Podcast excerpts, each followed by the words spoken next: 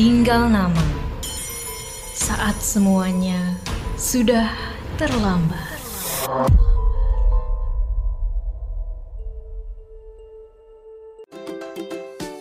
Hari gini masih ketipu investasi bodong, masih susah atur keuangan, investasi, klaim asuransi, dan update isu finansial? Dengerin podcast cuan, cari untung bareng teman. Persembahan Media by KG Media dan Motion FM di Spotify. Walau konten audio berdasarkan kisah nyata, beberapa adegan, tokoh, dan kejadian telah dimodifikasi untuk menambah unsur dramatis. Konten ditujukan untuk audiens dewasa karena dapat mengandung bahasa eksplisit dan berunsur kekerasan. Kebijaksanaan pendengar sangat disarankan. Selamat datang di podcast Tinggal Nama, podcast original series persembahan Media Podcast Network by KG Media. Sebelum mendengarkan, jangan lupa untuk klik follow podcast Tinggal Nama dan beri rating terbaikmu. Follow juga Instagram, TikTok, dan Twitter kami di @medio by KG Media agar tidak ketinggalan informasi podcast lainnya. Siapkan dirimu untuk mendengarkan cerita seru yang menegangkan. Kisah ini adalah lanjutan dari episode sebelumnya. Pada episode ini, Wisnu dan Kirana berhasil menangkap Rio dan mulai menginterogasinya.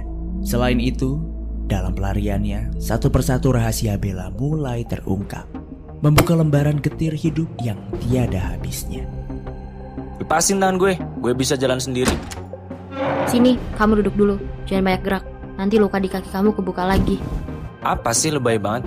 Oke langsung aja. Sekarang jelasin semua kemungkinan yang kamu tahu soal ke mana pacar kamu itu pergi. Saya nggak paham pertanyaan bapak. Pacar siapa maksudnya?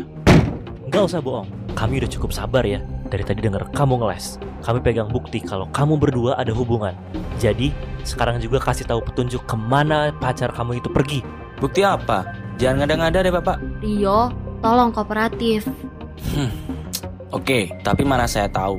Kan kalian lihat pakai mata kepala sendiri kalau tadi dia berhasil kabur.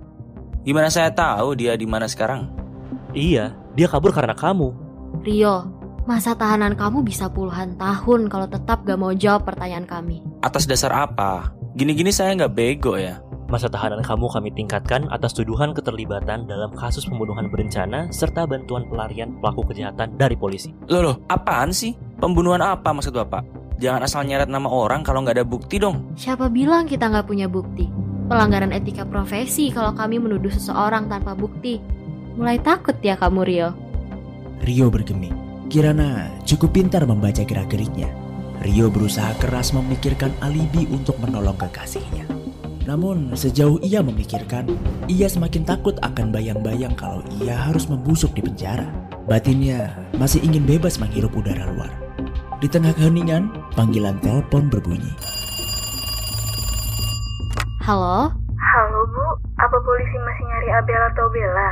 Iya Bu, betul. Kami masih mencarinya. Di daerah mana ya Bu? Boleh tolong jelasin juga gimana Ibu melihatnya? Ini di perempatan dekat jalan besar, arah pinggir kota. Saya kebetulan dagang warung kopi kecil di sini. Eh tadi dia datang sama cowok, naik motor besar keluaran lama. Tapi beli minuman sama gorengan aja di tempat saya. Dan kelihatannya buru-buru gitu. Ibu yakin kan kalau perempuan itu yang ada di dalam selebaran yang kami sebar? Ya, nggak terlalu kelihatan jelas sih, Bu. Soalnya anaknya juga nutup-nutupin muka. Tapi dari ciri postur yang disebutin dan lihat gerak-geriknya yang nggak nyaman, kayaknya betul itu Abel atau Bella, Bu. Oh, boleh kami tahu ciri-ciri teman lakinya seperti apa, Bu? Ibu-ibu penjaga warung tersebut menjelaskan secara detail apa yang ia lihat, termasuk ciri fisik si lelaki. Tinggi, kurus, berambut ikal, dan cukup tampan. Kirana pun menutup telepon dan mulai menjelaskannya pada Wisnu. Mereka lupa kalau di sana ada telinga lain yang fokus mendengarkan percakapan itu. Dengan raut wajah kesal, Saya tahu itu siapa. Akhirnya, mau bicara juga kamu. Brengsek. Kenapa, hah? Ojan, Kamu kenal sama laki-laki itu? mana mungkin saya lupa sama sahabat sekaligus rival sendiri. Kamu kenapa harus minta bantuan dia sih, Bel? Ah, Kamu bisa kasih informasi di mana laki-laki itu tinggal. nggak akan. Nggak ada jaminan kalian nggak akan nyakitin Abel. Rio, kami ini penegak hukum. Mana mungkin kami melakukan hal-hal yang malah melanggar hukum itu sendiri? Saya masih nggak percaya. Alah, apalagi sih yang kamu mau? Kok bapak tahu aja sih gue mau nanya apa ada lagi tawaran lain dari kalian buat informasi ini? Dengar ya, kami nggak punya banyak waktu untuk ngeladenin kamu doang. Kamu pikir kerjaan kami cuma kasus ini doang? Enggak, Wow, santai dong. Oke, oke, oke. Saya tuh the point deh. Potongan masa tahanan dan uang 20 juta. Gimana? Deal? gila kamu ya. Kembali pada apa yang terjadi pada Bella. Pelariannya membawa langkah yang tak menentu. Matahari mulai terbenam, jalanan mulai gelap. Ia masih berusaha menghubungi teman-temannya. Namun, tidak ada satupun yang menjawab. Bella merasa ditinggal sendirian hingga satu panggilan menyelamatkannya. Sialan. Ah, giliran kondisi gue begini aja. Gak ada yang jawab. Ojan, Bel, lu di mana? Gue tadi dikasih tahu Risma, katanya lu di luar sendirian ya? Jan, boleh tolong jemput gue nggak? Gue sendirian di sini, di pinggir jalan arah kota sebelah. Boleh cepet nggak Jan? Banyak nyamuk dan gelap di sini. Gue takut.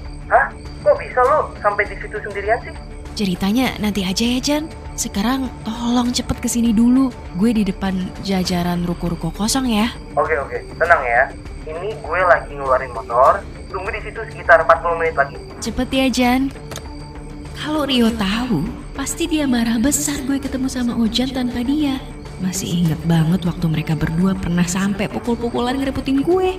Apalagi Ojan lebih dulu kenal gue dari kita di panti sama-sama. Rio pasti cemburu banget. Tapi mau gimana lagi? Ah, maafin gue ya yuk. Udah kepepet banget gini.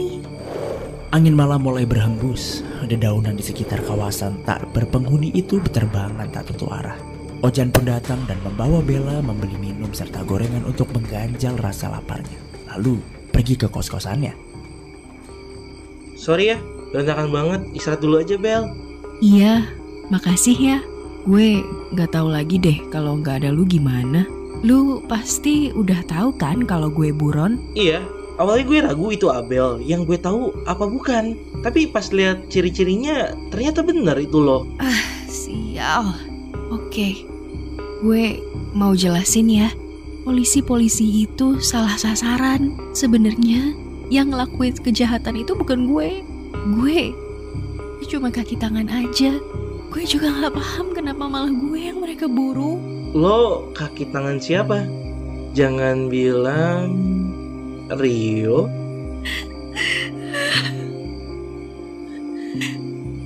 Maaf yo, aku bohong. Aku harus narik simpati dia biar dia mau bantu aku. Gue udah curiga sih. Gak mungkin kan? Lu yang rencana pembunuhan itu? I know you, Bel. Iya Jan, lo tahu kan, gue nggak mungkin berpikiran kayak gitu. Gue percaya kok, Bel. Terus tadi kejadiannya gimana? Tadi Rio ngajak gue buat kabur dari kota ini karena situasinya udah kacau. Semua orang tahu gue bela dari selebaran. Tapi pas kita berhenti buat beli makan di supermarket, Rio kayaknya dia telepon polisi karena dia mau ngelepas tangan dan nyerahin gue. Pas tahu polisi dateng, gue lari sejauh mungkin. Wah, emang bener-bener ya dia. Tahu gitu dulu, gak akan gue relain lo buat sama dia. Sorry ya Jan. Gue sebenarnya mau minta bantuan. Boleh nggak minta temen-temen lu anak kelitih itu buat bantu gue ngelawan polisi? Hmm, kenapa tiba-tiba mau ngelawan polisi? Gue nggak rela Jan. Hidup yang selama ini gue impikan. Gue susah payah bangkit buat ngeraihnya. Tapi gara-gara mereka semuanya jadi hancur lagi. Gue cuma pengen ketenangan. Kalau kayak gini, nama gue udah jelek. Tapi apa mereka nggak mau denger penjelasan gue baik-baik?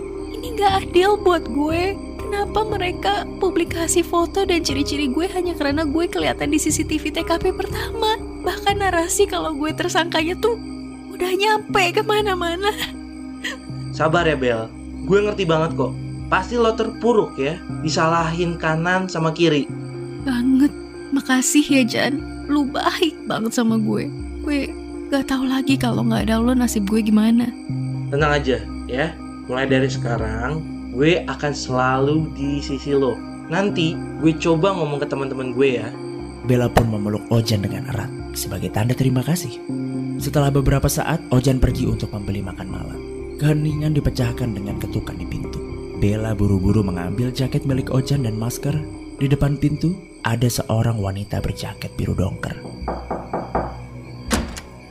Ya, siapa? Halo Bella, saya boleh bicara sama kamu? Maaf, Anda siapa ya? Kok tahu saya? Saya Kirana. Boleh kita bicara bentar? Kirana siapa? Mau apa kamu? Oke, saya jujur. Saya dari kepolisian. Tapi di sini saya mau bantu kamu buat cari jalan keluar sama-sama, Bella. Pergi nggak dari sini? Gue bilang pergi sekarang juga. Bella, saya mau nolong kamu. Saya paham kok berarti jadi kamu kayak gimana.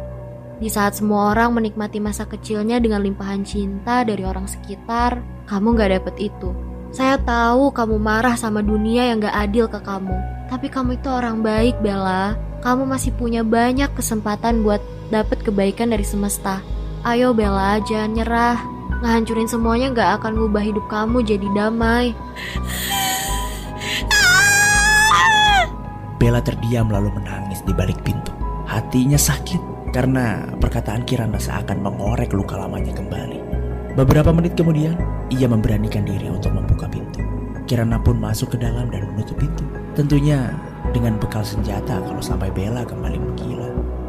Jangan sok tahu tentang hidup gue. Saya sudah tahu semuanya. Saya tahu berat banget jadi kamu. Tapi gak seharusnya juga kamu pilih jalan yang salah dengan membunuh orang-orang. Gue capek. Kalian gak tahu rasanya tiap menit pengen mati kan? Sekarang keluar panti, gue pikir gue bakal dapat kehidupan yang layak. Tapi ternyata apa? Di hari pertama, gue langsung ditinggal di jalan dan harus pulang bawa uang banyak. Kalau enggak, gue dipukulin. Memar-memar itu nggak cuma membekas di badan, tapi juga di hati gue. Pas dari kerasnya jalan, gue dijual, dipaksa ngangkang dan acting menikmati. Kalau enggak, gue dipukul lagi.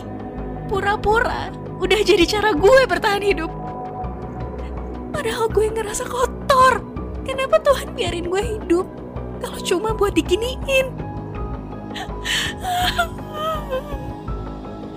Tenang ya Bella, saya ngerti kok perasaan kamu. Tapi sekarang, ayo kita selesain satu persatu. Ikut saya ke kantor ya. Saya janji akan coba bicara juga mengenai kesehatan mental kamu biar masa hukuman kamu dipersingkat. Masih ada yang peduli sama kamu, Bella. Polisi tolong, baru dikasih cerita sedih gitu aja loh. Kirana memeluk Bella dengan erat. Gadis itu pun terbetik. Bella setuju untuk ikut. Kirana pun membawa Bella ke dalam mobil dan menenangkannya. Saat di jalan, tiba-tiba terdengar pecahan kaca dari arah spion sebelah kiri. Woi, apaan sih? Siapa sih mereka, Nu? Mereka ngejar kita terus Nuran. Riti ini mas. Astaga, mau apa sih mereka? Nu, Nu, awas Nu. Mereka nyoba berhentiin kita. Ah, sial. Mereka ada di kanan kiri kita Ran. Tambah kecepatan kamu, Nu. Ini udah paling cepet. Wisnu, mereka makin deket. Woi, Mobil polisi dan Kelitih maju beriringan. Masih dengan Kelitih yang terus berusaha menghentikan Wisnu mengemudi. Sementara serpihan kaca mobil belakang mengenai Kirana dan Bella. Membuat keduanya mengalami banyak luka lecet. Kantor udah deket Ran. Tembaki mereka supaya nggak ngelukain kalian lebih jauh lagi.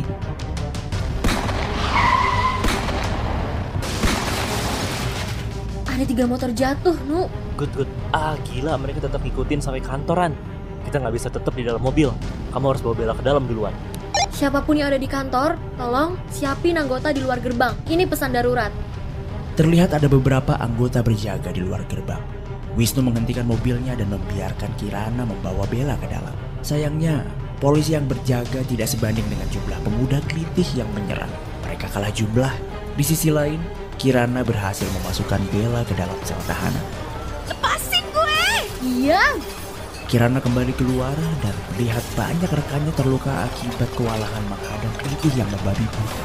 Hingga terdengar suara erangan dari Wisnu. Di punggung atas sebelah kirinya tertancap sebilah parang berkarat. Darah mengalir deras tercetak di punggungnya. Hingga kelitih kembali menancapkan celurit tepat di atas jantungnya. Ah, Wisnu.